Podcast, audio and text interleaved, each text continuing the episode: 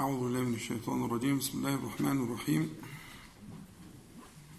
إن الحمد لله نحمده ونستعينه ونستغفره ونعوذ بالله من شرور أنفسنا ومن سيئات أعمالنا. من يهديه الله فلا مضل له ومن يضلل فلا هادي له.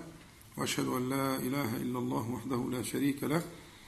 وأشهد أن محمدا عبده ورسوله. اللهم صل على محمد وعلى آل محمد كما صليت على إبراهيم وعلى آل إبراهيم في العالمين إنك حميد مجيد. اللهم بارك على محمد وعلى آل محمد كما باركت على إبراهيم وعلى آل إبراهيم في العالمين إنك حميد مجيد. أما بعد ف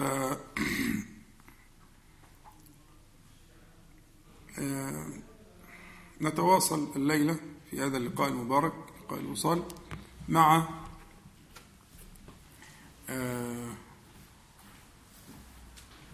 مسألة لها تعلق بما نحن فيه من شأن المجاهدات. وهي مسألة متعلقة بنصيحة الوالد للولد. نصيحة الوالد للولد. وكل مستمع ومتابع لنا إما أن يكون والدا وإما أن يكون ولدا.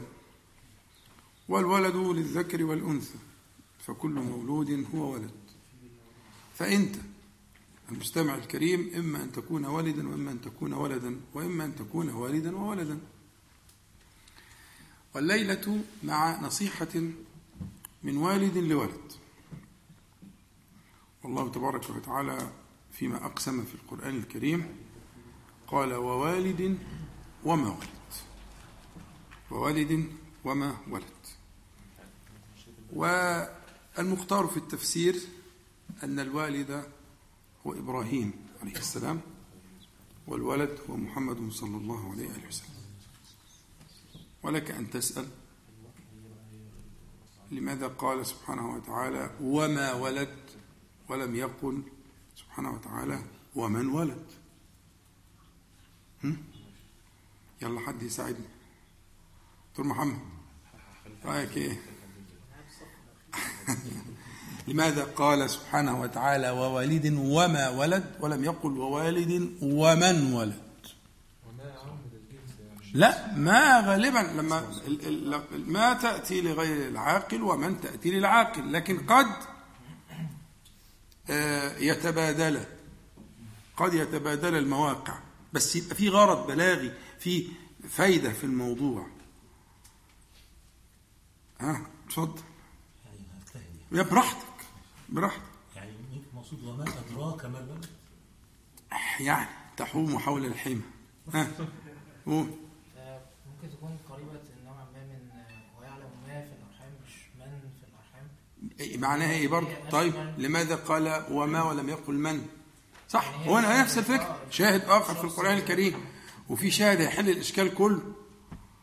ومن ولد هتعني اما وما ولد فالنسب نهايته إلى سيدنا إبراهيم آه عليه السلام. طب تعالوا نشوف موضع تاني يساعدنا شوية. ركز يا محمد. الموضع التاني. ربنا سبحانه وتعالى يقول قالت رب إني وضعتها أنثى. والله أعلم بما وضعت. المسيح عليه مريم عليه السلام. مش كده ولا إيه؟ ها؟ والله أعلم بما وضعت. مش بمن؟ مش كده صح؟ الله يفتح عليك. زي ما قال كده. أنا هقولها عشان أشرحها عشان كنت عارفها بس أنا مصدق. أنا مصدق. هي طبعا وضحت لما جبنا موضوع مريم سورة مريم. تمام؟ هي الفكرة إن ما موغلة في التنكير شديدة التنكير والتنكير قلنا في كلام العرب يأتي أحيانا للمبالغة وللتعظيم وللتهويل فهنا في الموضوعين اللي معانا دول هو الغرض منها. يعني وأي مولود ولد وما أدراك ما ولد? ولما هناك برضه وما أدراك ما وضعت وضعت شيئا يعجز العقل عن تصوره آية من الآيات اللي هي هتكون آيات ال- الدنيا إلى إلى قيام الساعة. فهو المقصود في سورة البلد المقصود بها أن المولود الولد سيكون ذا شأن لا يدركه العقل. هو محمد صلى الله عليه وسلم. وأي ولد ولد؟ وما أدراك ما ولد؟ فهمتها؟ كل ما تقرأ بقى تفتكرني. خلاص؟ صلوا على النبي عليه الصلاة والسلام. إحنا الليلة دي معانا نصيحة الوالد للولد. بس الأول عايزين نتعرف على الوالد والولد لأن يهمني قوي كارت التعريف ده. مين الوالد ومين الولد؟ الوالد محمد الباقر والوالد جعفر الصادق. إيه الاسماء دي؟ دول مفروض يكونوا أحب الناس إلى قلبك. بس إحنا للأسف لا نحسن ذلك. محمد الباقر له ولد اسمه جعفر الصادق حتى هو كان يكنى باسمه قال أبو جعفر. مين محمد الباقر؟ محمد الباقر ده ابن علي زين العابدين. مين علي زين العابدين؟ علي زين العابدين ده ابن الحسين. أظن أنت عارفها. صح؟ ابن الحسين. الحسين ده ابن مين؟ ابن علي وفاطمة رضي الله عنهما. مش كده ولا إيه؟ تمام. دول اسمهم آل البيت. دول اسمهم آل البيت. والمشكلة إن إحنا بنحب آل البيت جملة كده حب جملي. لكن المفروض يكون حبنا لآل البيت حب مفصل. ومبني على معرفة. وعلى قراءة واطلاع على سيرهم الصالحة. ونحن أولى بآل البيت من الآخرين الذين يدعون محبة لآل البيت. لكن محبة آل البيت دي لازم تترجم لحال ولواقع ولمقتضى لتلك المحبة. هؤلاء الذين قال عنهم النبي صلى الله عليه وسلم فيما رواه مسلم في صحيحه تركت فيكم ما إن تمسكتم به لن تضلوا بعدي أبدا. كتاب الله ثم جعل يحمل الناس على كتاب الله تعالى وعلى التفقه فيه وعلى العناية به. ثم قال وأهل بيتي عليه الصلاة والسلام. قال ثم قال ثلاث مرات أذكركم الله في أهل بيتي أذكركم الله في أهل بيتي أذكركم الله في أهل بيتي. فهم وصية النبي عليه الصلاة والسلام. وهم أحب الناس إلى قلب النبي صلى الله عليه وسلم ونحن نحبهم لحب النبي صلى الله عليه وسلم. نواليهم ونحبهم ونجلهم. فلا أقل من أنك أنت تعرف هذا النسب. صحيح في باطل وفي ناس ادعوا ادعاء باطلة. يعني الإمامية اسمهم الإمامية الجعفرية الموسوية الاثنى عشرية. اسمهم كده. بيبتدوا من أول جعفر اللي هو جعفر الصادق اللي أنا بتكلم عليه ده اللي هو اللي هو الولد. جعفر الصادق هو الولد. فهي اسمها الإمامية الجعفرية.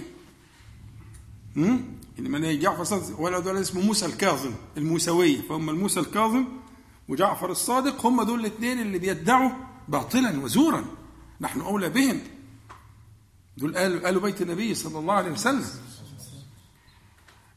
آآ آآ وقد وصانا النبي صلى الله عليه وسلم بهم. أذكركم الله في أهل بيتي. كما في صحيح مسلم. الحديث الثاني اللي هو كتاب الله وسنتي ده صحيح بس مش في مسلم. اللي هو الأشهر ها؟ تركت فيكم ما إن تمسكتم به لن تضلوا بعد. الكتاب الحديث اللي في مسلم هو اللي فيه كتاب الله وعترتي أو آل بيتي. عليه الصلاة والسلام. فيعني آه إنما أحملكم على أهيج مشاعركم لمحبتهم. آه وكما تعلمون إن إن النبي صلى الله عليه وسلم زوج عليا فاطمة. فولدت له الحسن اولا الحسن هو الأكبر ثم الحسين. الحسن قال عنه النبي صلى الله عليه وسلم إن ابني هذا وطبعا ده دليل على إن ابن البنت ابن. قال إن ابني هذا سيد على الحسن رضي الله عنه. وسيصلح الله تعالى به بين طائفتين عظيمتين من المؤمنين أو قال من المسلمين. وقد حصل حصل بعد 30 سنة بالضبط بالتمام والكمال بالشهر من انتقال النبي صلى الله عليه وسلم إلى الرفيق الأعلى. إنه ولي الخلافة بعد مقتل أبيه بعد مقتل عليه وظل في خلافته ستة أشهر. ثم تنازل لمعاوية حقنا لدماء المسلمين. بشرط أن تعود إليه الخلافة بعد إيه؟ موت معاوية. ولكن مات هو قبل معاوية مات مسموما رضي الله عنه. يا ريت تقفل البتاع دي. واخدين بال حضراتكم. فهذا هو الحسن. وكان أشبه الناس برسول الله صلى الله عليه وسلم. هيئة ومشية ودلا وكلاما. وزكاه النبي صلى الله عليه وسلم أيما تزكية. أخوه الأصغر الحسين. والحسين والحسن كما قال النبي صلى الله عليه وسلم قال سيدا بالألف مثنى شباب أهل الجنة. حسين والحسن. لكن الحسين خدع في أهل الكوفة وصدقهم وكان وعظه غير واحد منهم وأشهرهم طبعا ابن عباس رضي الله عنهما. والحسن أخوه إلى آخره نصحوه كثيرا ولكنه وثق فيهم فكانت الإيه؟ فكان ما كان وأنتم تعلمون. وقتل شهيدا كما آه، هو معلوم. وبقي الحسن إلى أن أصلح الله تعالى به بين طائفتين وتنازل الحسن. الحسن والحسين. كل من كان من نسل الحسن أو الحسين هو من آل بيت النبي صلى الله عليه وسلم. الحس الحسين أنجب علي عليا زين العابدين يبقى علي زين العابدين ده ابن مين؟ ابن الحسين الحسين علي زين العابدين أنجب مين؟ ها؟ محمد الباقر اللي هو أبو جعفر محمد الباقر أنجب مين؟ جعفر الصادق رضي الله عنهم أجمعين? ولو قلت عليه السلام فجائز صحيح عشان ما تسمعها ما إيه ما ما ما ما لا تقع في الفخ فإن إن قلت عليه السلام فهم آل البيت. أنت تقول اللهم صل على محمد وعلى؟ آل محمد. لازم لا إفراط ولا تفريط؟ عايزين لا اعتدال. محبتهم إيمان يا أخوانا محبة آل البيت إيمان من الإيمان. لأنهم أحب الناس إلى النبي صلى الله عليه وسلم وهم وصيته؟ صح. فهي كده يعني تنبيه على المشي كده وهنرجع للسياق. بس الأول إيه؟ يصعب عليا إن إحنا نقول محمد الباقر جعفر الصادق ولا أنا عارف مين محمد الباقر ولا لكن كده إيه تنضبط المسائل ونحبهم ونحن أولى بهم من غيرنا. باختصار كده. تمام؟ تمام. صلوا على النبي صلى الله عليه وسلم. طيب. هو ال ال ال أنا عايزك تشوف العلاقة الوالدية الجميلة. العلاقة الوالدية الجميلة بين الوالد والولد. الوالد مشغول بإيه بالنسبة للولد؟ فأنت يا والد يا ولد. وكلكم إن شاء الله والد بإذن الله. ها؟ يبقى أنا أنا عايز أتصور ما الذي يشغل الوالد فيما يتعلق بشؤون الولد؟ تمام؟ بيقول له إيه بقى؟ محمد البكر بيقول له إيه؟ بيقول له إن الله سبحانه خبأ اربعا في أربع. إن الله سبحانه خبأ اربعا في أربع. خبأ رضاه في طاعته. خبأ رضاه في طاعته. فلا تحقر منها شيئا فلعل رضاه فيه يعني في هذا الشيء. تمام؟ وخبأ غضبه في معصيته. فلا تحقر منها شيئا. فلعل غضبه فيه. ركزوا عشان هذا ورا حد يسمع. ها؟ في ناس بتحفظ من أول مرة. في ناس تحفظ من تاني مرة. في ناس تحفظ من ثالث مرة وما فيش إذن بعد كده بقى كله يكون حافظ. ثلاث مرات. فالاول مرة بتسمعوه. أنا عايز بقى الجماعة بتوع أول مرة. إن الله خبأ اربعه إن الله سبحانه وتعالى خبأ اربعا في اربعه خبأ رضاه في طاعته. فلا تحقر منها شيئا. فلعل رضاه فيه. جميل. وخبأ غضبه في معصيته. فلا تحقر منها شيئا. فلعل غضبه فيه. إحنا قلناهم الاثنين دول. الثالثه وخبأ ولايته في عباده. فلا تحقر منهم أحدا. فلعله ولي الله. والرابعة وخبأ إجابته في دعائه. فلا تترك الدعاء. فلعل الإجابة كانت فيه. انتهى الكلام. هنا بقى الوالد بيكشف المخبوء للولد.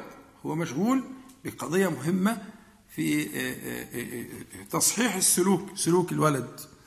الولد يتصح يصح سلوكه إذا انتبه إلى هذه المخبآت. أولا خبأ رضاه في طاعته خبأ غضبه في معصيته خبأ ولا- ولايته في عباده خبأ إجابته في دعائه. انتبهنا صلوا على النبي صلى الله عليه وسلم. اتكلم شوية حد يسمع ولا حد جاهز؟ اتفضل. إن شاء الله. إن الله سبحانه وتعالى خبأ أربعا في أربعة أحسنت. خبأ رضاه في طاعته فلا تحكم تمام. منها شيئا. اتفضل. فلعل رضاه فيه. أيوه. وخبأ غضبه. في معصيته أحسنت. فلا تحقر منها شيئا فلعل غضبه فيه. أحسنت. وخبأ ولايته في عباده فلا تحقر منهم أحدا. فلعله فلعله ولي الله. فلعله ولي الله. وخبأ إجابته في دعائه. أحسنت. فلا فلا تترك الدعاء. أيوه. فلعل الإجابة كانت فيه. الإجابة إحسنت الله يفتح عليك. جيد جدا. طيب إحنا يعني هنحاول نقسم الكلام عشان إيه يعني نتدرج. هو ال- ال- اللي هياخد كلام كتير شوية هو آخر حاجة. ده اللي يهمني. يهمني قوي يعني. كله يهمني بس أنا يهمني قوي الأخير. لأن هي دي قضية مرتبطة بال- بالعمل اللي هو في المجاهدات وفي في شغلكم مع ربنا سبحانه وتعالى. في التواصل والذكر والدعاء وإلى آخره. تمام؟ فخلينا الأول نقول الايه الثلاثة الأولانيين وبعدين تاخدوا الفاصل وبعدين نرجع وأنت برضه خليك معايا في في التوقيت. صلوا على النبي صلى الله عليه وسلم. أول حاجة خبأ رضاه في طاعته. شوف الفقه وشوف النظر شوف الفهم. خبأ رضاه في طاعته. أنت بتشتغل بتصلي وبتعمل وإلى آخره. بس أنت تريد رضا الله تبارك وتعالى. ها؟ تحوم حوله. فقد خبأه سبحانه وتعالى في إيه؟ في طاعته. يقول لك فلا تحقر منها شيئا. إيه تحقر بقى دي بقى؟ أنا مش فاهم. أصل جاية برضه في المعصية. هو ممكن الواحد يحقر طاعة؟ آه. آه. ده بنص كلام النبي صلى الله عليه وسلم. ودي مشكلة كبيرة جدا. يقع فيها الكثير. لذلك قال عليه الصلاة والسلام لا تحقرن من المعروف شيئا ولو أن تلقى أخاك بو- بوجه طلق أو طليق. يعني ربما يكون فيها الرضا. يعني استقبال كويس أو ابتسامة أو كده ولا أنت عايز منه حاجة ولا بترتب لحاجة ولا أي حاجة خالص. إنما صنعتها لوجه الله تعالى. وربما خبأ الله تعالى في هذا العمل اليسير جدا ها؟ رضاه. فيخلي المؤمن حريص حريص على الخير وعلى العمل وحريص على على على استحضار نيته وقصده وأن يرى الله تعالى في كل صغير وكبير. الحديث الصحيح الآخر في الصحيح إن النبي صلى الله عليه وسلم قال إن عبد قال إن العبد لا يتكلم بالكلمة من رضوان الله تعالى. لا خلي بالك هذه المشاهد هنا. لا يلقي لها بالا. مش واخد باله يعني كلمة دعوة نصيحة آه، أي حاجة كلمة. وهو لا لا يلقي لها بالا. يعني إيه؟ لا لا يتصور مردودها عند الله تبارك وتعالى. يرفعه الله بها درجات. بس من رضوان الله. رضي الله تعالى فسدده. فكلمة قالها. وده واقع حقيقة. ممكن تقول كلمة تنبت أشجارا.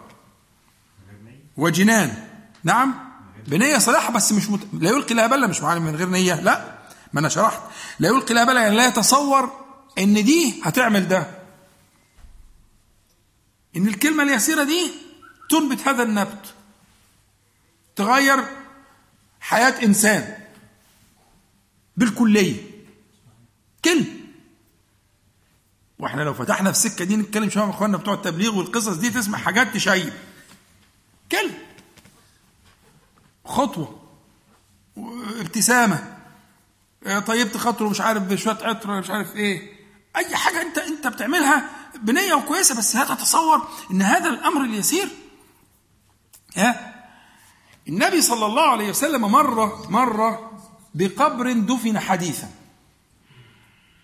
كلمة دفن حديثا مقصودة في الحديث. ليه؟ يعني لسه الناس فاكرة الراجل وحاسة بيه وكان قاعد معانا وكان بياكل معانا وكان وكان وكان.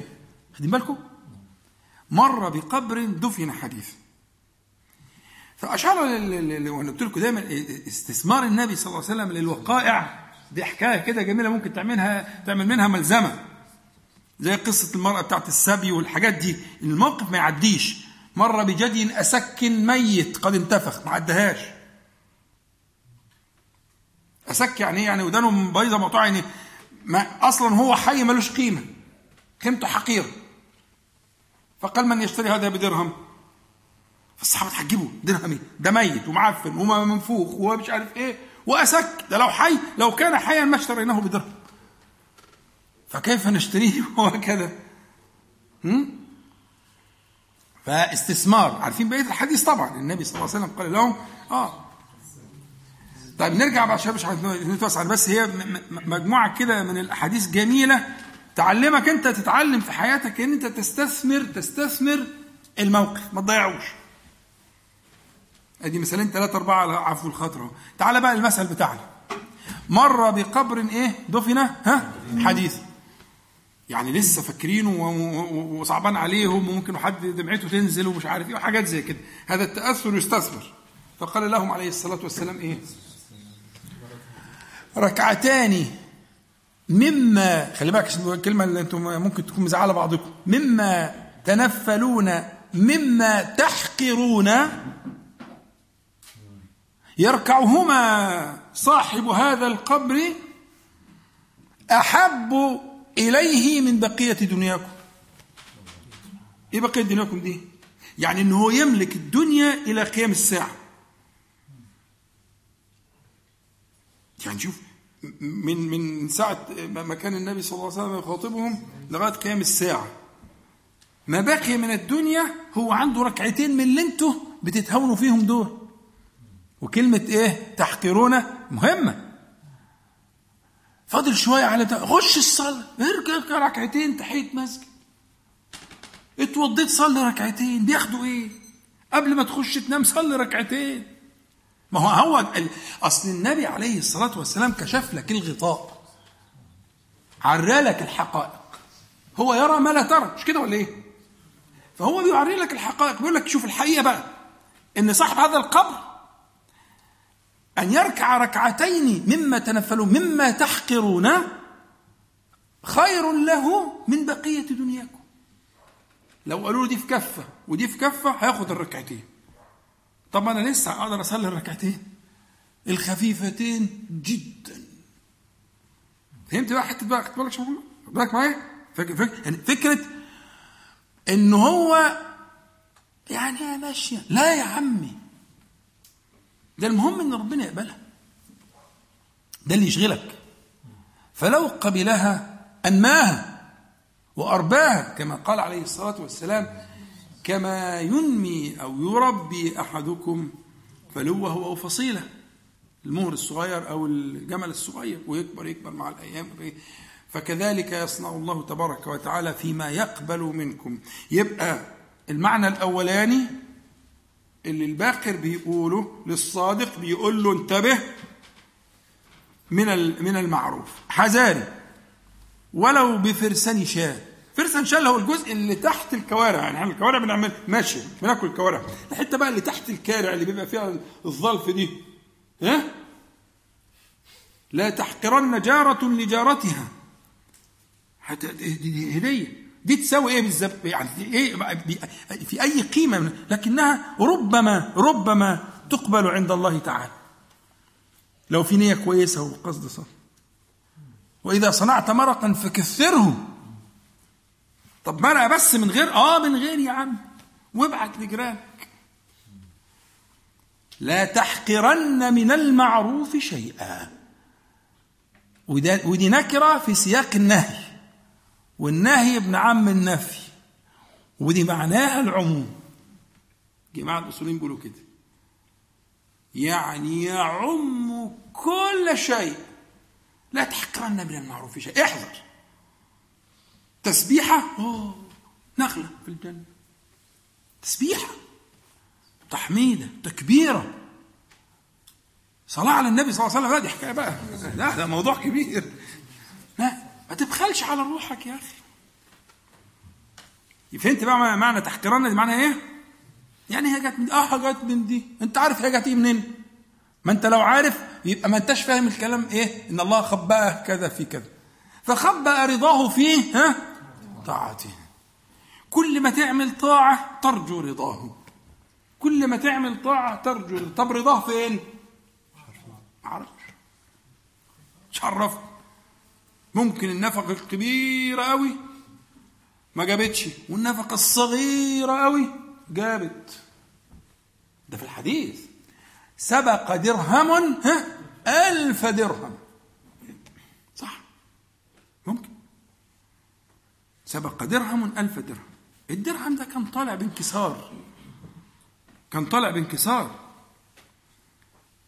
فربما يثمر ما لا يعقله العقل. يبقى أول حاجة لا تحقرن من المعروف شيء اللي هو إيه؟ خبأ رضاه في طاعته فلا تحقر منها شيئا فلعل رضاه فيه في هذا الشيء. طب الثانية الثانية أشد بقى. الثانية أشد دي على دماغنا كلنا. وخبأ غضبه في معصيته. فلا تحقر منها من المعصية شيئا. فلعل غضبه فيه في هذا الشيء. وعندنا بقى حديث جميلة جدا وعايزة تنبيه يعني وانتباه كده وتركزوا معايا وتصلوا على حضرة النبي عليه الصلاة والسلام. في حديث عائشة مشهور جدا إياكم ومحقرات الذنوب فإن لها من الله طالبا. إياكم ومحقرات الذنوب يعني ما يحقره. لا في حديث تاني بتاع سهل بن سعد السعيدي بقى بيشرح بيشرح الحديث ده. برضه حديث نبوي مرفوع.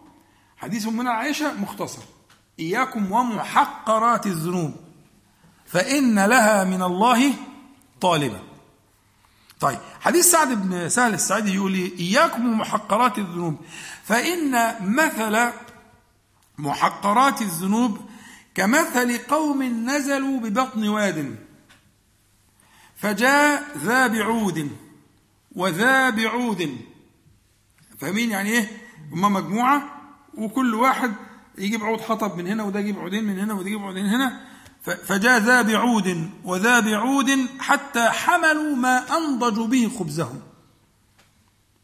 العود الواحد مش هينضج ولا له أي معنى. لكن اجتماع الأعواد من هنا وهناك أججت نارا فأنضجت خبزا.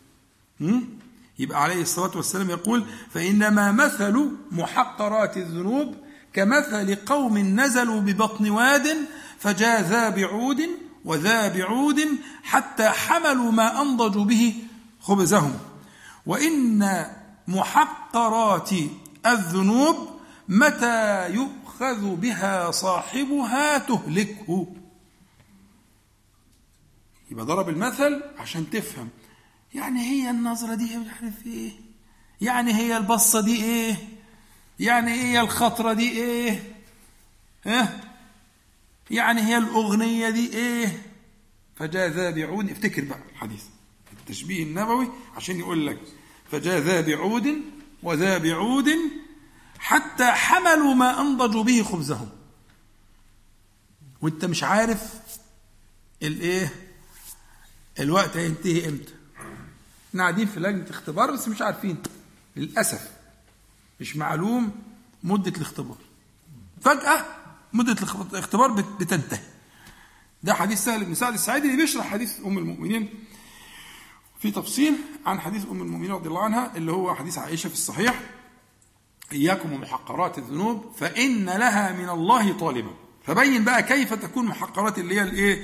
ال- الكلمة والنظرة. وهو نفس الحديث بتاع الحديث البخاري بس أنا بخاف منه بصراحة. الحديث اللي هو إيه؟ اللي هو نص الأولاني قلناه إن العبد لا يتكلم بالكلمة من رضا الله تعالى لا يلقي لها باله. في بقى النص الثاني من الحديث مرعب بصراحة. وإن العبد لا يتكلم بالكلمة من سخط الله تعالى لا يلقي لها بالا يهوي بها في النار سبعين خريفا.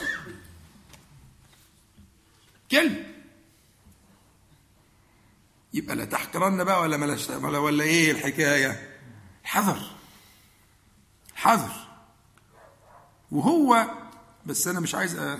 فين يا عم انت بفكر. كده ما تشوف أنا عن الميقات الداخلي. نعم. لا يعذبان في كبير بل كبير. نعم. إنهما لا يعذبان. موضوع لو يعني كبير. وما يعذبان في كبير وإنه لكبير. أما أحدهما فكان لا يستنزه من بوله. إيه بقى الحكاية؟ لا يستنزه من بوله؟ يعذب في القبر؟ آه. هو كان شايف الموضوع يعني مش مش سهل يعني؟ وأما الآخر فكان يمشي في الناس بالنميمة. الشاهد الأحاديث دي كلها تحملني على إن أنا بس خلي بالك في استطراد هنا مش مش هتتطرق لنا هياخد وقت شوية. بس نشير اليه ونبقى لعلنا تفكرون نتكلم فيه. اللي هو فكرة إنه ما الذي آه، آه، آه، يجعل الصغيرة كالكبائر؟ وما الذي يذهب بالكبائر إلى أن تكون من المغفورات من الصغائر؟ في معاني؟ تحول ده لده وتحول ده لده. بس ده مستقل يعني فكرونا بنتكلم فيه. فاللي الجزء اللي يهمني إن في أشياء كالاستخفاف بها. ها؟ وما في معناه؟ ها؟ ربما آه، تكون آه، آه، أشد اثرا وأعظم اثرا من الإيه؟ من الكبير.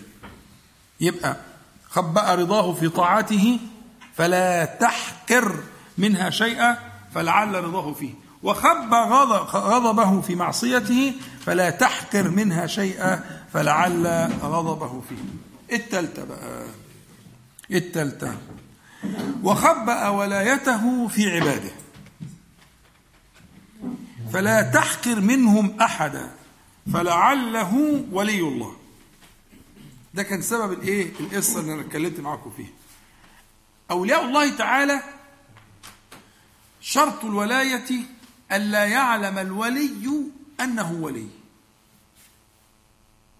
فلو ظن الولي أنه ولي فهو القطع بأنه ليس وليا.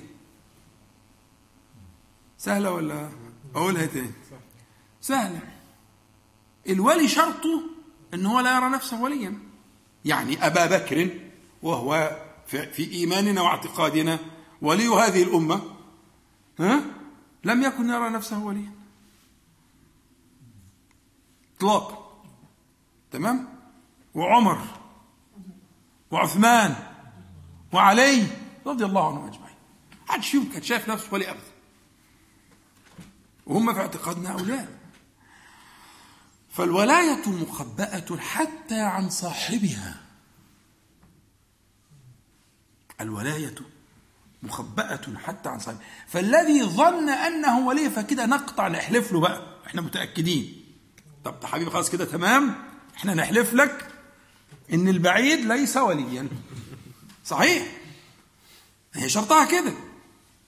إن ربنا سبحانه وتعالى خبأها حتى عن صاحبها. ولا إيه؟ تمام. ولما تراجع سير الصحابة رضي الله عنهم هتلاقي الموضوع جميل والمعنى آه، آه، مستقر تماما إن شاء الله تعالى. النبي عليه الصلاة والسلام قيل له من أولياء الله في الحديث الصحيح. عايزين علامة. طبعا العلامة اللي مذكورة في سورة يونس جميلة. الذين آمنوا وكانوا يتقون. دي الع... دي اللي في سورة يونس.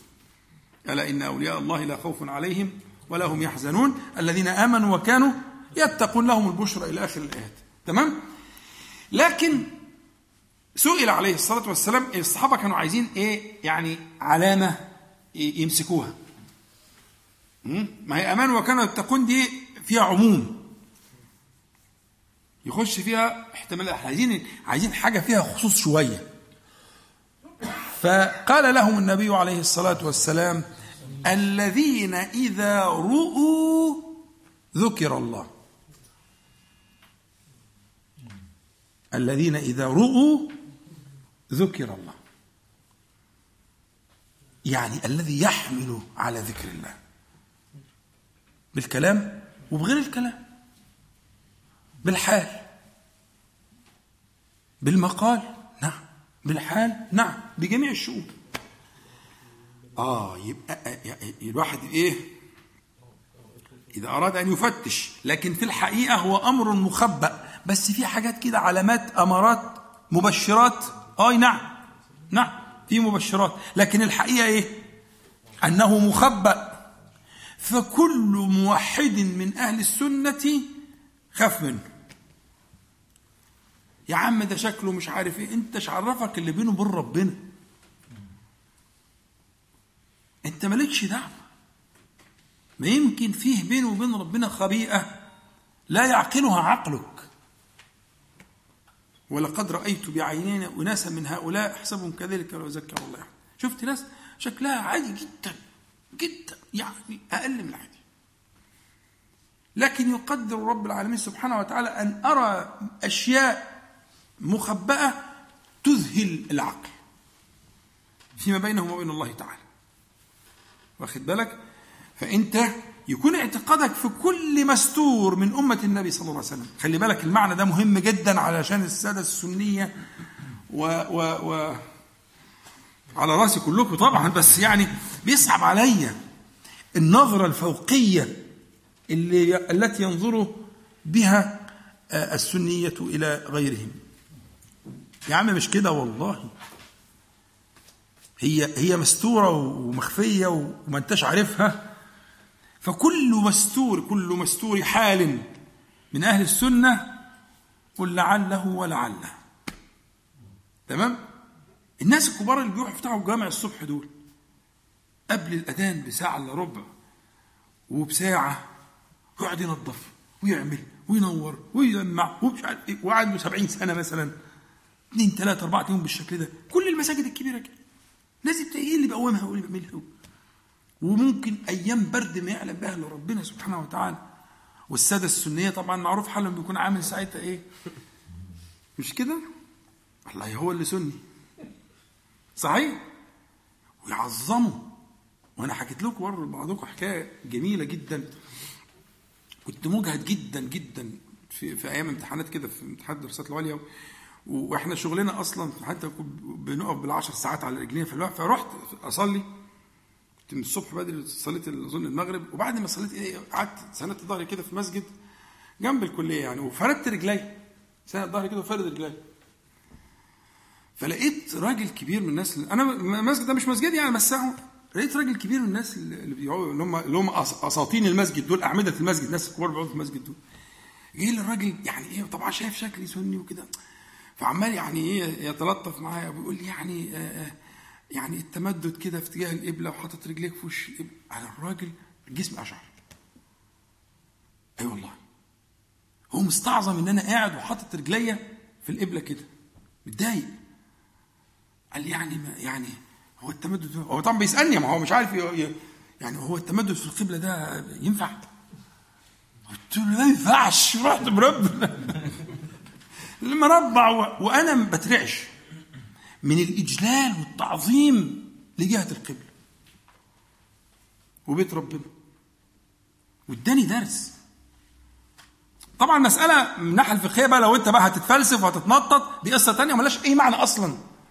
ومش ده المقصود. المقصود حاجة تانية. المقصود الإيمان اللي في قلب الإنسان ده اللي مخليه معظم اتجاه القبلة هذا التعظيم. وإنه مش مستحمل إن حد حد مد رجليه في القبله كده. وقام الراجل وعمال يحكي على كرسي وجالي على في آخر المسجد أنا قاعد في آخر المسجد خالص مسجد كبير المساجد الكبيره دي. وساند لدرجه بلقط نفسي من العلقة السخنه اللي كنت فيها من الصبح. فجاني الراجل عمال يقدم ويتكلم مش عارف. فجسمي اشعر من الإجلال والتعظيم الذي رأيته في هذا الرجل. وانتهت القصة. بس خدت درس. فيما فيما أودع الله تعالى في قلوب عباده من الإيمان والإجلال له سبحانه وتعالى. هو المسجد ده بالنسبة له هو بيت ربنا. والقبلة دي جهة الصلاة. فهو شايف كده. ومعظم المسألة بكده. بغض النظر عن قضية بقى الأحكام والبتاع والحاجات اللي شاطرين فيها دي. موضوع تاني. خدت بالك؟ اذا الذين إذا رؤوا ذكر الله. يذكرك بالله تبارك وتعالى ويحملك على ذكر الله تعالى بحاله وبمقاله. يبقى الرابع اللي إن شاء الله ممكن تاخذوا الفاصل. طيب ناخذ الفاصل. اللي هو وخبى اجابته في دعائه فلا تترك الدعاء فلعل الإجابة كانت فيه. وخبى إجابته في دعائه فلا تترك الدعاء فلعل الإجابة كانت فيه يعني في الذي تركته. وتبقى مسكين قوي. تدعي تدعي وبعدين تروح واقف. ده هي كانت هي هي الخطة اللي كانت جاية يا مسكين. فلا تترك الدعاء. فلعل الإجابة كانت فيه لأنه خبى إجابته في دعائه. عشان زي ما خبى ليلة القدر كده. فكانت سهلة. والنص ده كاد أن أن يصرح بها النبي صلى الله عليه وسلم. وهو الذي كان يفتش عنها لأن النبي عليه الصلاة والسلام اعتكف العشر الأول. ثم اكتفى العشر الأواسط ثم اعتكف العشر الأواخر لما علم أنها في فكان يفتش عليها. يعني يفتش عنها صلى الله عليه وسلم. فكادت أن ولكنها خبئت. خبئت. ولما تيجي الأحاديث تلاقيها العشرة كلهم على السواسية. لأن في أحاديث لعاشر لسبع بقينا وفي أحاديث لسبع خلونا. فينعد من وراء ينعد من قدام. يعني هي في النهاية تشمر العشرة. حكمتك يا رب خبأ هذه الجائزة في تلك الأيام الليالي المباركة لتنشط. فهي حكمته كده سبحانه وتعالى. وخبأ إجابته في دعائه فلا تترك الدعاء. فلعل الإجابة كانت فيه يعني في الذي إيه؟ تركته. طيب ناخد راحة بسيطة كده ونرجع إن شاء الله. سبحانك اللهم ربنا وبحمدك أشهد أن لا إله إلا أنت أستغفرك وأتوب أعوذ بالله من الشيطان الرجيم. بسم الله الرحمن الرحيم. الحمد لله رب العالمين. اللهم صل على محمد وانزله المقعد المقرب منك يوم القيامة. أما بعد ف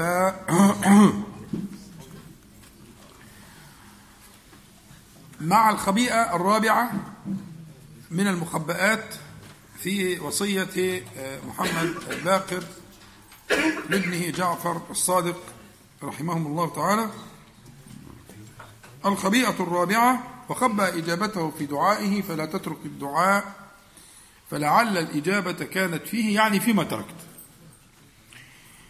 الدعاء قلت أنا لك والد لولد مشيها. حبيب لحبيبه مشيها. صديق لصديقه مشيها.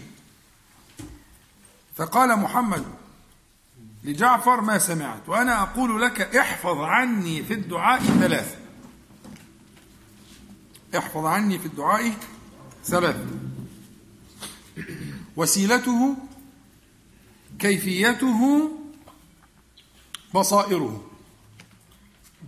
احفظ عني في الدعاء ثلاثة. وسيلته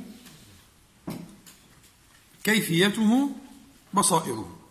صلوا على النبي. صلى الله عليه وسلم أول حاجة في الدعاء وسيلته. ربنا تعالى يقول يا أيها الذين آمنوا اتقوا الله وابتغوا إليه الوسيلة. وجاهدوا في سبيله لعلكم تفلحون. جميل.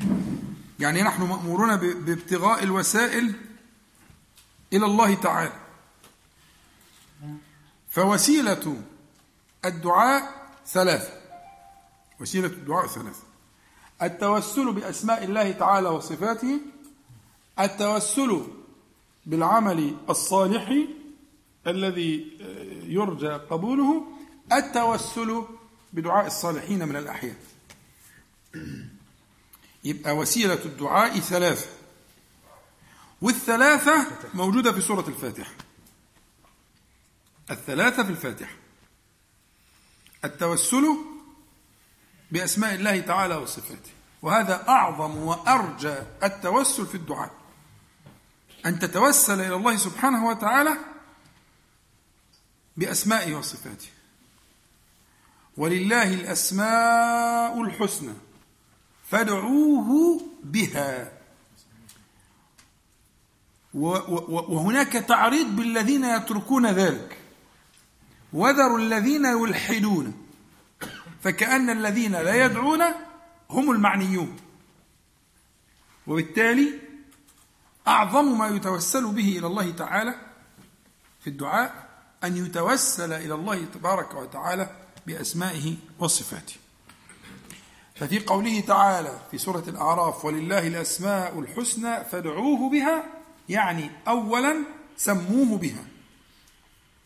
فلا يسمى الله تعالى إلا بما سمى به نفسه أو سماه به أعلم الخلق به صلى الله عليه وسلم. ولله الأسماء الحسنى فادعوه فسموه بها. والله الذي لا إله إلا هو الملك القدوس السلام المؤمن المهيمن العزيز الجبار المتكبر. كما سمى نفسه سبحانه وتعالى. فسموه فلا يسمى إلا بما سمى به نفسه سبحانه وتعالى. فادعوه بها يعني فنادوه بها. كما ناداه الأولون من الصالحين ومن الأنبياء والمرسلين. خلاص؟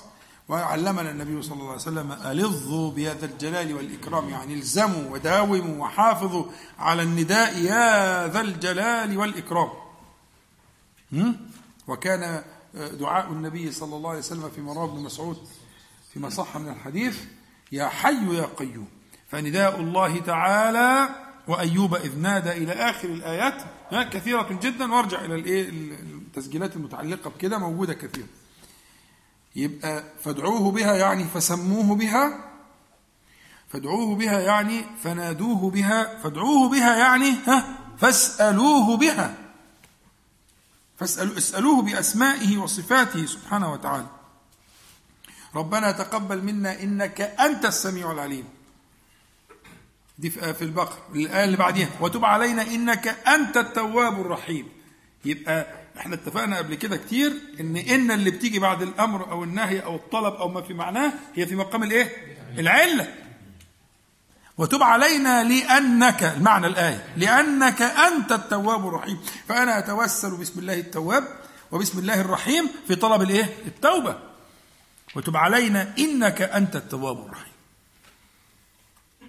أعلى وأجل ما يسأل به ربنا سبحانه وتعالى أن يسأل جل جلاله بأسمائه وصفاته.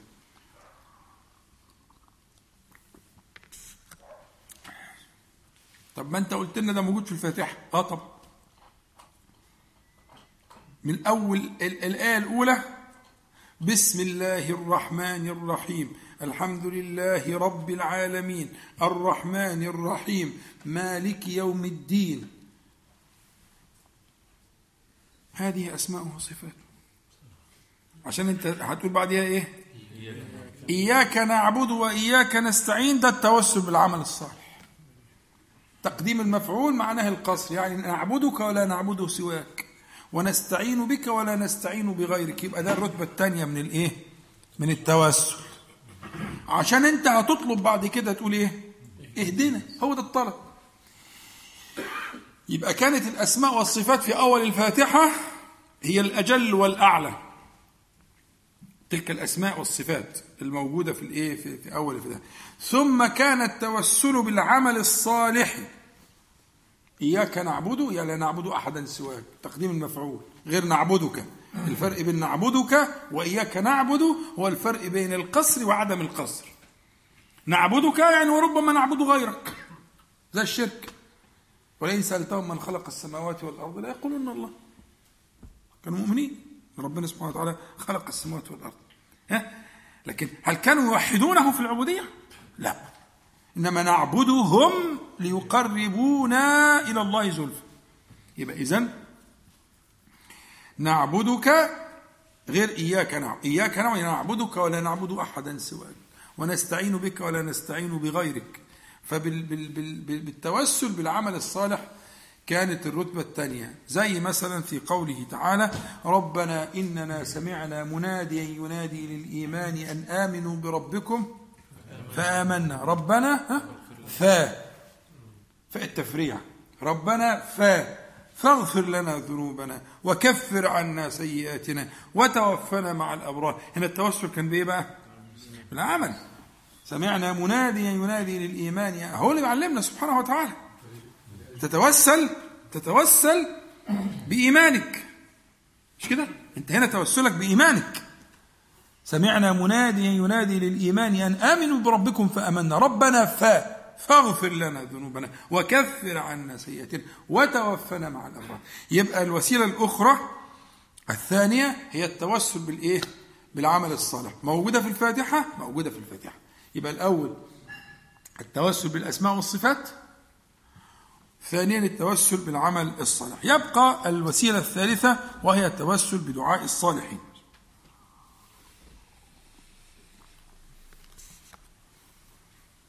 والتوسل بدعاء الصالحين موجود في الفاتحة في صورتين. صلوا على النبي صلى الله عليه وسلم. موجود في صورتين. الصورة الأولى في النون. في النون. دائما الذي يقرأ الفاتحة واحد. لماذا يقول نعبد ولماذا يقول نستعين؟ هذه محال أن تكون نون العظمة. ولا إيه؟ إنا نحن نزلنا الذكرى وإنا له لحافظون. مش كده؟ دي عظمة. لكن أنت لما بتقول نعبده ونستعين دي نون المسكنة مش نون العظمة. بيسموها نون المسكنة. يعني إيه مسكنة؟ يعني أنت واحد في كتير قوي. لعل فيهم تقيا خفيا. لعل الناس اللي واقفة دي اللي الكلام كلنا بنقوله قبل الفاصل الناس اللي واقفة في الصف دي يمكن فيهم حد موصول بالله تعالى. مسكين. لا يرى نفسه. لا يرى إلا الله. هم القوم لا يشقى بهم جليسهم. كرمله من أجل عين تكرم ألف عين. لو له كرم على الله تعالى يعفو عن الناس دي كلها.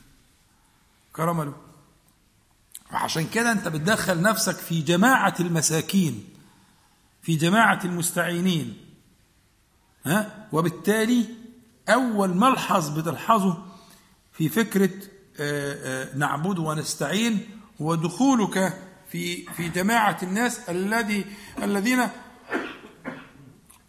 تحسن بهم الظن لعل فيهم من الأتقياء والأولياء ما لا يعلمه إلا الله سبحانه وتعالى. مستورين كده زي ما اتفقنا في الإيه؟ قبل الفاصل في ستر الأولياء. يا إخوانا الأولياء موجودون إلى قيام الساعة. عشان برضو إيه؟ الحاجات اللي برضو من المفاهيم اللي عايزة تصحيح. حكاية المفاهيم المغلوطة دي والأخطاء الشائعة. آه عايزين نعمل لها كتاب. صحيح. الولاية موجودة إلى قيام الساعة وكرامات الأولياء في هذه الأمة باقية إلى قيام الساعة. بالدليل القطعي. ربما يخرجنا عن موضوعنا نرجع له في وقت ثاني بس مبدئيا سلم لي بالقصة دي علشان تريح دماغك. الولاية باقية في هذه الأمة إلى قيام الساعة. لا بد من وجود أولياء شهود. وكذلك جعلناكم أمة وسطا. لتكونوا شهداء على الناس. وسطيه هذه الأمة توجب أن يكون فيها من أولياء الله تعالى. الذين إذا أقسموا على الله تعالى أبرهم. لازم يكون الأصناف دي موجودة إلى قيام الساعة. وفي كتب ابن تيمية له كتاب جميل جدا اسمه كرامات الأولياء أو يعني منتزع من من, من كتاباته. جميل جدا بديع. باقية في الأمة الصحابة كان فيهم كرامات والتابعون وإلى آخره إلى إلى قيام الساعة. يقينا في هذه الأمة في الزمان الذي نعيش فيه يقينا هذا هذا هذا الصنف موجود. ولكنه كما اتفقنا إيه ها مخبأ مستور حكمته. موجود يقينا مخبأ مستور. خلاص بقى حلو قوي زي العسل. قول بقى نعبده ونستعين وأنت تستحضر هذا المعنى. أدخلني أدخلني فيهم. أدخلني في هذه الأمة الصالحة المباركة من أهل السنة والجماعة. أدخلني فيهم. أعبدك معهم وأستعين بك معهم. فلعل ولعل. تمام؟ ثم الموضع الثاني في الفاتحة في التأمين. في التأمين. وهو دعاء. التأمين اسم فعل. يعني على خلاف خفيف كده بمعنى اللهم استجب. فاستجب للكل. فيحسن الظن بالمصلين إن فيهم واحد ما بترد لا ترد له دعوة. هو عم مش عارف مين اللي مش عارف إيه ولا لسطى مين ما هو أي حد ما إحناش عارفينه. وجماله إن إحنا مش عارفينه. جماله إن إحنا مش عارفينه. وتحسن الظن بكل مستور. كل مستور من أهل السنة. تحسن بالظن. طيب. في سورة الحشر ربنا تعالى يقول والذين جاءوا من بعدهم يقولون ربنا اغفر لنا ولإخواننا الذين سبقونا بالإيمان ولا تجعل في قلوبنا غلا للذين آمنوا. ربنا إنك رؤوف رحيم. هذا المقام هو المقام الذي ينبغي يعني هو كأن الله تبارك وتعالى يحكي لنا ذلك يعني كأنه يقول كونوا كذلك. ما أنتم جايين من بعدهم. من بعدهم الضمير ده الجمع ده يعود على مين؟ على المهاجرين والأنصار. هم مذكورين قبل كده كانوا المهاجرين والأنصار. فيقول أمارة وعلامة أهل السنة الإمام مالك له كلام جميل جدا في الآية دي. أمارة وعلامة أهل السنة إنهم من أهل السنة أن تسلم صدورهم للمهاجرين والأنصار.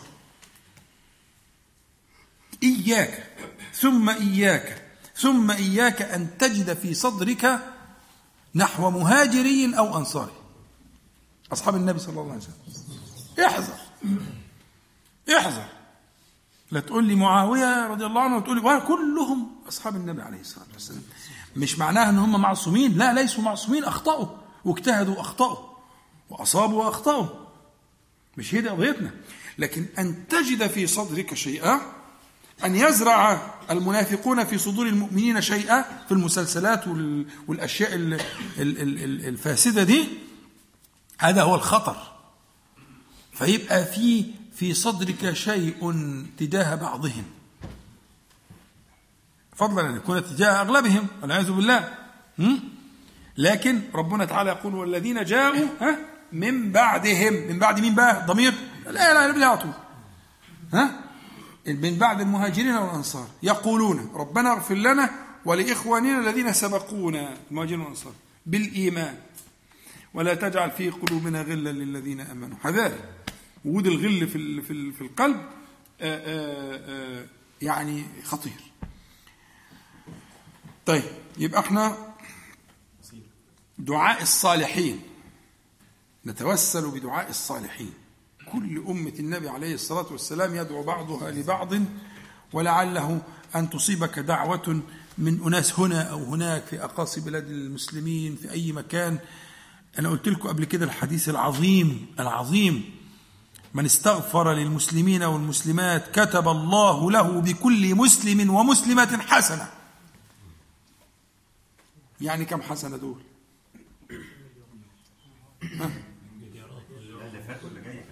أيوة إلى يوم القيامة. إلى يوم القيامة. من أول إبراهيم عليه السلام إلى يوم القيامة. هو سماكم المسلمين من قبل. وسع يا أخي. هتقول لي إذا نكثر. هقول لك إيه؟ ها؟ الله يفتح عليكم كلكم حافظين. أيوه. ولذلك في الدعاء اللي كنا حفظناه مع بعض اللي هو في دعاء القنوت. آه عمر قنوت عمر.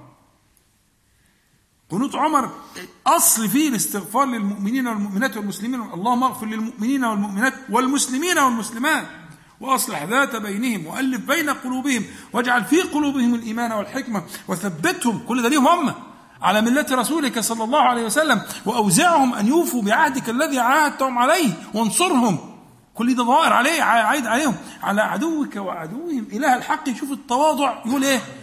اجعلنا منهم عمر بيقول كده. عايز يتشعبط كده في في في في ركب المسلمين والمسلمات. عمر بيعلمك وجعلنا منهم. يبقى أيوه من استغفر للمسلمين والمسلمات كتب الله له كتب. ونسب الكتابة لجلال الله تعالى مع إن اللي هيكتب الملائكة بس نسبه له. علشان الإجلال. كتب الله له بكل مسلم ومسلمة مفرد. ها يبقى اللي مش هيستغفر ظالم نفسه ولا لأ يا عبد الرحمن؟ ها؟ يظلم نفسه. قلت لك على الأقل خليك في الدعوة دي كل ليلة. واظب عليها. ولا أنت مش مواظب ولا حكايتك إيه تحرمش روحك. اسمع كلام. طيب. يبقى اذا بدعاء الصالحين يبقى قلت لك احفظ عني في الإيه؟ في الدعاء ثلاثة. اولا وسيلته ثانيا كيفيته ثالثا بصائره بصائره. تمام؟ صلوا على النبي صلى الله عليه وسلم. ننتقل من الوسيلة إلى الكيفية. كيفية الدعاء ثلاث ثلاث كيفيات للدعاء لا يخرج عنها الدعاء. والثلاثه لا يغني بعضها عن بعض. الثلاث كيفيات لا يغني بعضها عن بعض. الكيفية الأولى صريح الطلب. وده أكثر الدعاء. ربنا اغفر لنا ذنوبنا وكفر عنا سيئاتنا وتوفنا مع الأبرار. إلى آخر الادعيه في السنة وفي القرآن الكريم وهي كثيرة جدا وهي أغلب الدعاء. اللهم اغفر لي وارحمني واهدني واجبرني وعافني وارزقني وارفعني وارفعني الذي الذي تقوله بين السجدتين. ها سبع أدعية. دي ده, ده اسمه إيه؟ ها صريح الطلب. صريح الإيه؟ الطلب. في طريقتين تانيين. يبقى أنا عندي ثلاث كيفيات. الكيفية الأولى دي هي دي الأغلب. لكن في كيفيتين تانيين بيساعدوني في بعض المواقف وبعض المعاني وبعض أحوال القلب. وقد صح ذلك في القرآن والسنة. الكيفية الأولى هي التعريض بوصف الحال. التعريض بوصف الحال. علمه بحالي يغنيه عن سؤالي بس مش معناها إن أنا هترك تصريح الطلب. لكن في أحوال حال القلب بيكون فيه من الحياء من الله تعالى ما يحملك على التعريض. التصريح هو ده الأصل. التص... والله يحب ذلك. الله يحب منك أن تسأله. فإن لم تسأله يغضب سبحانه وتعالى. فيحب منك أن تسأله صريح الطلب. وده اللي علمه لنا النبي عليه الصلاة والسلام. ولو شفت نسبة صريح الطلب في الصلاة في أذكار الصلاة هتلاقيه هي النسبة الكاسحة. النسبة العظمى. فلا تترك صريح الطلب. لكن هيأتي أوقات أحوال للقلب تجد نفسك فيها ها يعني تحوم حول الحمى. فيك من الحياء ما تعرض بوصف الايه؟ الحال. مظبوط؟ ربنا ظلمنا أنفسنا. وإن لم تغفر لنا وترحمنا لنكونن من الخاسرين. خلي بالك أنا عايزك تتصور الحال. فوسوس لهما الشيطان ليبدي لهما سوآتهما. وطفقا يخصفان عليهما من ورق الجنة.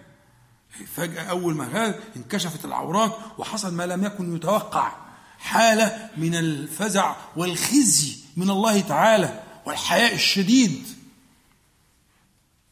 كل حاجة إلا الشجرة ما نهاكما ربكما عن تلكما الشجرة إلا أن تكونا ملكين أو تكونا من الخالدين. وقاسمهما إني لكما لمن الناصحين. قصة طويلة. وقعوا وقعوا. هنا بقى ما كانش فيه الطلب الصريح بالإيه؟ بالعفو والمغفرة. هنا بقى ده المقام اللي بكلمك عليه. مقام الحياء من الله تعالى. فكان فيه التعريض بوصف الحال. فهو هو هو في الحقيقة طلب. في حقيقته هو طلب. بس جاي بوصف الحال. ربنا ظلمنا أنفسنا. وإن لم تغفر لنا وترحمنا لنكونن من الخاسرين. هو في في في محصلته وفي معناه طلب.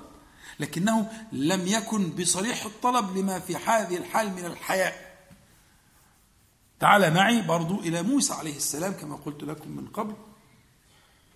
ثم تولى إلى الظل. طبعا هو خارج إيه؟ خائفا يترقب. وكان برضه شايف إن هو حكاية القتل فوكزه موسى فقضى عليه إن الملأ يأتمرون بك. ها؟ فالقصة برضه حاسس إن هو يعني غلط. ما كانش يقصد. ولما قال له نصحه ها؟ أن يترك المدينة. لا لا لا, لا, لا, لا يأتمرون بك ليقتلوك. فاخرج. إني لك من الناصحين. هي دي الحالة النفسية. لا ولد ولا مال ولا زوجة ولا أي حاجة خالص. ولقى عمل إنساني عمله. ما ولا يعرف حاجة ولا يعرف حاجة. فسق له. خلاص؟ هنا بقى إن ده لله تبارك وتعالى قال إيه؟ قال ربي إني لما أنزلت إلي من خير فقير. وده تعريض بالحال؟ هناك ظلمنا أنفسنا وهنا فقير. أنا فقير. فده تعريض بالحال ومفيش فيه تصريح وإن كان يحمل معنى التصريح لكنه ال- ال- الكيفية التي سيق بها الدعاء هي كيفية التعريض وأنت تحتاج إلى هذا وإلى ذاك. ففي الأحوال اللي بيغلب فيها على القلب الحياء فاسلك هذا السبيل سبيل التعريض. يعني مثلا مش عارف تقول كلام النبي عليه الصلاة والسلام. زي مثلا إيه؟ اللهم إليك أشكو ضعف قوتي وقلة حيلتي وهواني على الناس. مظبوط؟ ده كله تعريض بالحال. تمام؟ مش عارف تقول الكلمتين دول. ولا عارف تقول زي سيدنا موسى. ولا عارف تقول زي سيدنا آدم. ولا عارف تقول زي حد قول يا أخي بال- بال- بالعامية احكي. قلت لك الكلام ده قبل كده وحذرتك ألا تلج هذا الباب اسمعوا كلامي. الله تعالى أقرب إليكم من أنفسكم أقرب إليكم من حبل الوريد. احكي له يا عم واشكي له باللغة بتاعتك. قول له ماليش غيرك حلوة قوي زي العسل جميلة جدا رائعة بديعة بس خارجة من القلب. أروح فين يا رب؟ أهو ده اسمه بقى الإيه؟ ها؟ التعريض بالحال بحكاية الحال. قولها بالبلدي كده. هروح فين؟ أنا ماليش غيرك. هروح فين يا رب؟ ها؟ يا سلام. أجمل حاجة هتبقى الحرارة اللي خارجة بيها. ما أنا مش عارف أقول كما قال موسى عليه السلام ولا كما قال محمد صلى الله عليه وسلم. يا عم خلاص ما الدنيا مفتوحة وربنا أقرب إليك. أمال الهنود بيكلموا ربنا إزاي والترك والحبش والعالم دي بتكلم ربنا إزاي؟ ما هو بيكلموه بألسنتهم. وهو قريب مجيب. يا أخي أنا بشوف في الحرم ناس لا يتكلمون كلمة واحدة عربية وعمالين يعيطوا. يعطوا بين دول أبدا فهم كيف تأتي هذه الدموع؟ الذي يكون في قلب. طب القلب ده بإيه؟ بالتركي، بالحبش، بالهندي، بأي حاجة. اعتبر نفسك يا عم هندي. مثلا اعتبر زي ما تعتبر المهم لسانك يتحرك بما في قلبك. حذرتكم عمال تأجل تأجل هتاخد إيه دكتوراه في اللغة عشان تخاطب ربنا؟ هتحفظ المعلقات عشان تخاطب ربنا سبحانه وتعالى؟ هتعمل إيه طب فهمني فليشهد قلبك ما يتحرك به لسانك وفقط. مش مطلوب منك غير كده. حتى يا عم أحمد لو لخبطت. حتى لو قلت كلام غلط. ما أنتش عارف إنه غلط طبعا. ها؟ هيدخل في العفو. ما ده آخرك. ومش هطلب منك غير كده.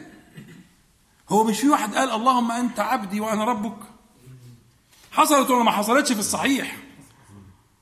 ربنا استجاب له ولا ما استجابلوش؟ قال عليه الصلاة والسلام أخطأ من شدة الفرح. وتجاوز عنه سبحانه وتعالى وأجابه. إيه المشكلة؟ طب أخطأ من من من الجهل.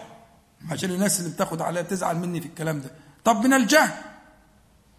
الراجل اللي هو لما جاءته المنية جمع أولاده وقال لهم ما هو ما عمل بقى بس الرواية ما عملت خيرا قط. خالص البتة الخير ده ما كانش له وجود في حياته. ما سابش بلوى إلا ما عملها. فإن أنا مت فاحرقوني ثم ذروني في يوم ريح. فلئن قدر الله علي ليعذبني. عذابا لا يعذبه أحد. فجمعه الله تعالى في يوم القيامة وقال له ما حملك على ذلك؟ قال خشيتك فغفر له. يبقى في عن جهل في عن خطأ في عن أسباب كتير. وانت لا كده ولا كده ما شاء الله أنتوا كلكم يعني شاطرين وحلوين ونبهة وزي الفل. خاطبوا ربكم سبحانه وتعالى. المناجاة يا إخواني المن المناجاة. إنه أقرب إلينا من أنفسنا حال بيننا وبين قلوبنا. مش حبل الوريد. ده هو أقرب إليك من قلبك وأقرب إلى قلبك منك. واعلموا في الأنفال أن الله يحول بين المرء وقلبه. فهو أقرب إلى قلبك منك وأقرب إليك من قلبك. فأنت رايح فين؟ احكي. واشكي وقول واتكلم في الرتبة الثانية اللي هي يا عم محمد؟ ها؟ ب بالحال. التعريض بالحال. احكي. أنا نفسي غلبتني يا رب والله ما عارف أعمل فيها إيه. أنا مش عارف أعمل فيها إيه نفسي دي. أحلف على المصحف وأعمل مش عارف إيه وأخد عهود وأروح واقع تاني. وهي نفس المصيبة اللي بعملها بعملها كل مرة. يا رب أعمل إيه؟ والله ثلاثة ده أجمل من إنك أنت تقول كلام كتير جدا ما أنتش فاهم معناه. وتقول نصه غلط في الإعراب والرفع والنصب والجر وحالتك ما يعلم بها إلا ربنا. لكن لما أنت تقول الكلمتين اللي زي ما بقولهم كده أنا خلاص غلبت. آتي نفسي تقواها وزكاها أنت خير من زكاها أنت وليه ومولاه. هو ده المعنى ده هو ده. هو ده العربي بتاعه. هو ده العربي بتاعه. آتي نفسي تقواها وزكاها أنت خير من زكاها. أنت وليه ومولاه. ده العربي بتاع اللي أنا قلته. خليك في اللي أنا قلته. قلبك هيحضر أكتر. وعليك عرفت تقول ده وده. قول يا عمي بس ما ال ال ال المناجاة منقطعة مع الشباب المتدين. اجعلوا بينكم وبين الله نجوى. احكي اشكي اتكلم. انطق حل العقدة من لسانك. وستجد عجبا والله الذي لا إله إلا هو. فإنه قريب مجيب. والله تجد عجبا مما تعجب له. بس انت اطرق الباب خبط يا أخي. خبط بقلب حاضر. أنا بقول لك اتكلم كده بالألفاظ دي ليه؟ ليحضر قلبك وليشهد ما تقول. خلاص؟ طيب. ال ال الكيفية الثالثه انفرط العقد. بس هو كل شوية يروح نغيزني يقول لي خلي بالك. الوقت بيعدي. طيب حاضر. أنا اللي قايل له كده أنا وراجل طيب بس محدش يزعل منه. التالتة بقى هي أرقى الرتب. يبقى إحنا قلنا التعريض بالحال في بقى التعريض بالثناء على الله تعالى. دي أعلى حاجة. ودي رتبة عايزة يعني توفيق. هتقولها ماشي لكن عشان قلبك يحضر توفيق. خير الدعاء دعاء عرفة. وخير ما قلت أنا والنبيون من قبل. كل الأنبياء حجوا. ها? لا إله إلا الله وحده لا شريك له له الملك وله الحمد وهو على كل شيء قدير. الإمام الخطابي بيحكي في كتاب له جميل جدا بديع كتاب رائع نفيس اسمه شأن الدعاء شأن الدعاء. بيحكي حكاية أنفس من النفاسة بصراحة في المسألة دي. إن في حوار بين اتنين من السلف واحد بيقول له ده ثناء مش دعاء. العبارة ما فيهاش لا إله إلا الله وحده لا شريك له له الملك وله الحمد وهو على كل شيء قدير. بس النبي سماه دعاء عليه الصلاة والسلام قال خير الدعاء ها؟ دعاء عرفة. طب فين الدعاء هنا؟ فبيسأله بيسأل. إيه الدعاء هنا؟ الدعاء هنا في موضعين. فاكر اللي قلتها في الفاتحة؟ عشان نربط الكلام ببعضه. فاكرها؟ ولا مش فاكرها؟ طيب أنا قلت لك في في الفاتحة بدعاء الصالحين في موضعين مش كده؟ في النون وفي أمين مش كده؟ طيب هنا بقى في عرفة برضه في موضعين ركز معايا يا عبد الله في موضعين. الموضع الأول هو في أن الثناء الثناء على الله تبارك وتعالى يبلغك أفضل الدعاء. في حديث صحيح عظيم. حافظ ابن حجر آه، حسن سنده جدا في آه، إملاءاته على كتاب الأذكار. الحديث بيقول النبي عليه الصلاة والسلام بيقول من شغله ذكري عن مسألتي أعطيته أفضل ما أعطي السائلين من شغله ذكري عن مسألتي أعطيته أفضل ما أعطي السائلين فمن هنا كان هذا الباب في الثناء يبلغك أفضل مما تطلب. الثناء على الله تبارك وتعالى بما هو أهله وتفكر بقى في الكلام والكلام مشروح وممكن ترجعوا له في معنى لا إله إلا الله وحده لا شريك له له الملك وله الحمد وتقديم له.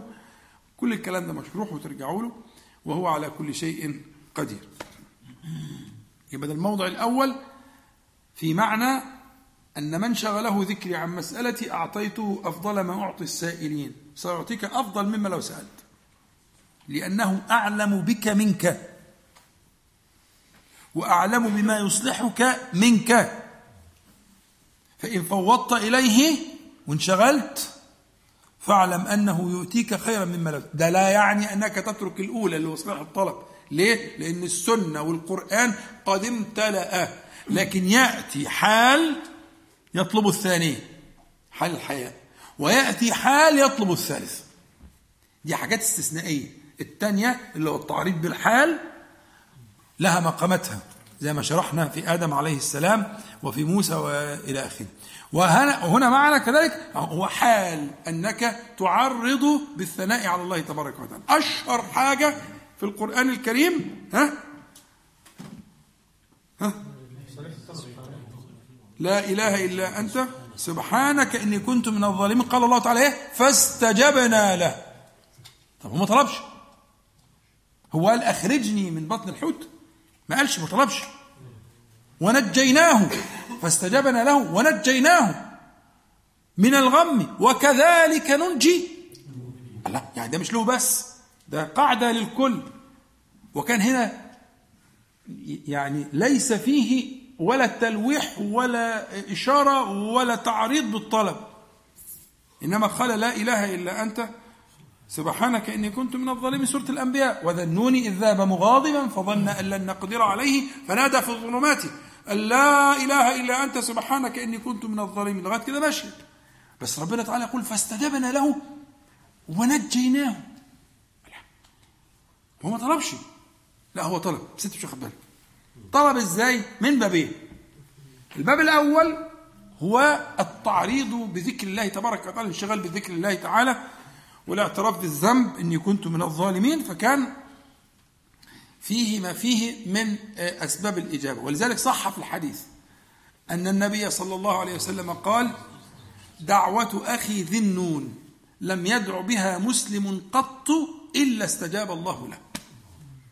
وعندنا في الحديث إلا فرج الله كربه. خلاص؟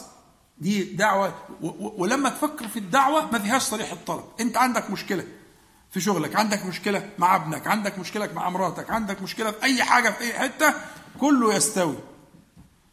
كل لا إله إلا أنت سبحانك إني كنت من الظالمين.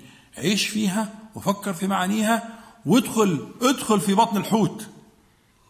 ادخل في بطن الحوت مع يونس عليه السلام. وسترى عجبا.